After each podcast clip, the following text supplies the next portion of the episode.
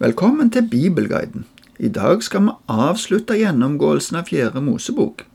Sist gang så vi på at det ble sagt hvor grensene skulle gå for landet i framtida. Til slutt i forrige episode så vi at levittene, som ikke skulle ha eget landområde, fikk løfte om å få en del byer innenfor de andre stammene sine områder, der de kunne bo med familiene og dyra sine. Vi har kommet fram til vers 9 i kapittel 35. Her gir Herren beskjed til Moses om at Israel skal velge ut noen byer som skal være fristeder eller tilfluktssteder for drapsmenn. Hva det går ut på, skal vi se etter hvert, men først skal vi lese den første beskjeden om å velge disse ut. Vi leser ifra vers 9 til 15 i kapittel 35, altså. Herren sa til Moses, Tal til israelittene og si, Når dere går over Jordan og inn i landet Kanaan, skal dere velge ut noen byer som skal være tilfluktsbyer for dere. Dit kan en drapsmann flykte om han har slått noen i hjel av vannvare. Disse byene skal gi tilflukt til den som flykter fra en blodhevner, så drapsmannen ikke skal dø før han har stått til rette for menigheten og fått sin dom. Seks av de byene dere gir levittene skal være tilfluktsbyer. Tre av byene skal dere peke ut på andre siden av Jordan, og tre i Kanaan-landet. De skal være tilfluktsbyer. Disse seks byene skal gi tilflukt både for israelitter og for innflyttere og fremmede som bor blant dere, så den som har drept noen av vannvare, kan flykte dit. Av de 48 byene som skulle være byer for levittene, skulle seks bli regnet som tilfluktsbyer.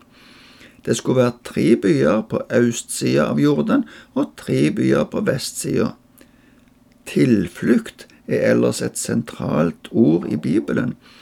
Det er en plass der du kan være trygg for fare og angrep. I disse byene skulle det være beskyttelse for de som av vannvare, som det står her, hadde drept et annet menneske. Mer om dette kommer i fortsettelsen. Vi leser nå ifra vers 16 til 29. Dersom noen tar et jernredskap og slår en annen i hjel, er han en drapsmann, og drapsmannen skal straffes med døden. Tar noen en stein som er stor nok til å drepe med, og slår en annen i hjel, da er han en drapsmann, og drapsmannen skal straffes med døden. Eller om noen tar et dødelig redskap av tre i hånden og slår en annen i hjel, da er han en drapsmann, og drapsmannen skal straffes med døden. Det er blodhevneren som skal slå drapsmannen i hjel. Når han treffer på ham, skal han drepe ham. På samme måte skal det være om noen hater en annen og støter til ham eller kaster noe på ham med hensikt så han dør, eller i fiendskap slår ham med neven så han dør. Da skal den som slo straffes med døden. Han er en drapsmann, og blodhevneren skal slå drapsmannen i hjel når han treffer på ham. Så kan det hende at noen plutselig støter til en mann uten fiendskap, eller kaster en gjenstand uten ond hensikt.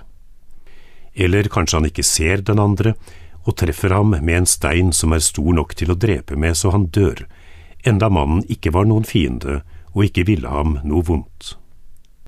Da skal menigheten dømme mellom drapsmannen og blodhevneren etter disse forskriftene. Menigheten skal berge drapsmannen fra blodhevneren og føre ham tilbake til tilfluktsbyen han hadde rømt til. Der skal han være til øverstepresten dør, han som er salvet med hellig olje. Men går drapsmannen noen gang utenfor den tilfluktsbyen han har rømt til, og blodhevneren finner ham utenfor bygrensene og dreper ham, da skal han være uten blodskyld. For drapsmannen skal holde seg i tilfluktsbyen til øverstepresten dør. Når øverstepresten er død, kan han vende tilbake til den jorden han eier. Dette skal være lov og rett hos dere gjennom alle slekter hvor dere så bor. Hvis det er snakk om et overlagt drap, nytter det ikke å søke tilflukt i en av disse byene. Da må personen stå til ansvar for det han har gjort. Men hvis det skjer ved et uhell, så skal en som vil hevne drapet, ikke kunne gjøre det. Da skal den som gjorde dette, uten at det var planlagt eller at det var i sinne, kunne få beskyttelse i en av disse byene. Mer om disse tilfluktsbyene kan du lese i Femte Mosebok kapittel 19. Der blir det òg annet nevnt at det var viktig at veiene til disse byene var gode, slik at de som trenger tilflukt, ikke blir hindra på veien. I det vi leste her, står det òg en regel om at den som søker tilflukt i en av disse byene, må være der helt til øverstepresten dør, for hvis han drar ut av denne byen, har han ikke lenger beskyttelse men etter at øverstepresten dør, kan han reise hjem i fred. Men i fortsettelsen her blir det gjentatt at når noen slår et annet menneske i hjel, skal han straffes. Det står òg mange andre plasser. Vi leser resten av kapittel 35 ifra vers 30 til 34. Når noen slår et menneske i hjel, skal drapsmannen drepes så sant det er vitner mot ham. Men på ett vitnes utsagn skal ingen dø. Dere skal ikke ta imot løsepenger for å berge livet til en drapsmann som er skyldig til å dø. Han skal straffes med døden. Dere skal ikke ta imot løsepenger for en som har rømt til en tilfluktsby, slik at han kan vende hjem og bo i landet før øverstepresten er død. Dere skal ikke vanhellige det landet dere bor i, for blod vanhelliger landet. Og landet får ikke soning for blodet som er utøst der, uten ved blodet til den som utøste blod. Dere skal ikke gjøre landet dere bor i urent, for der har jeg min bolig. Jeg er Herren som bor midt iblant israelittene.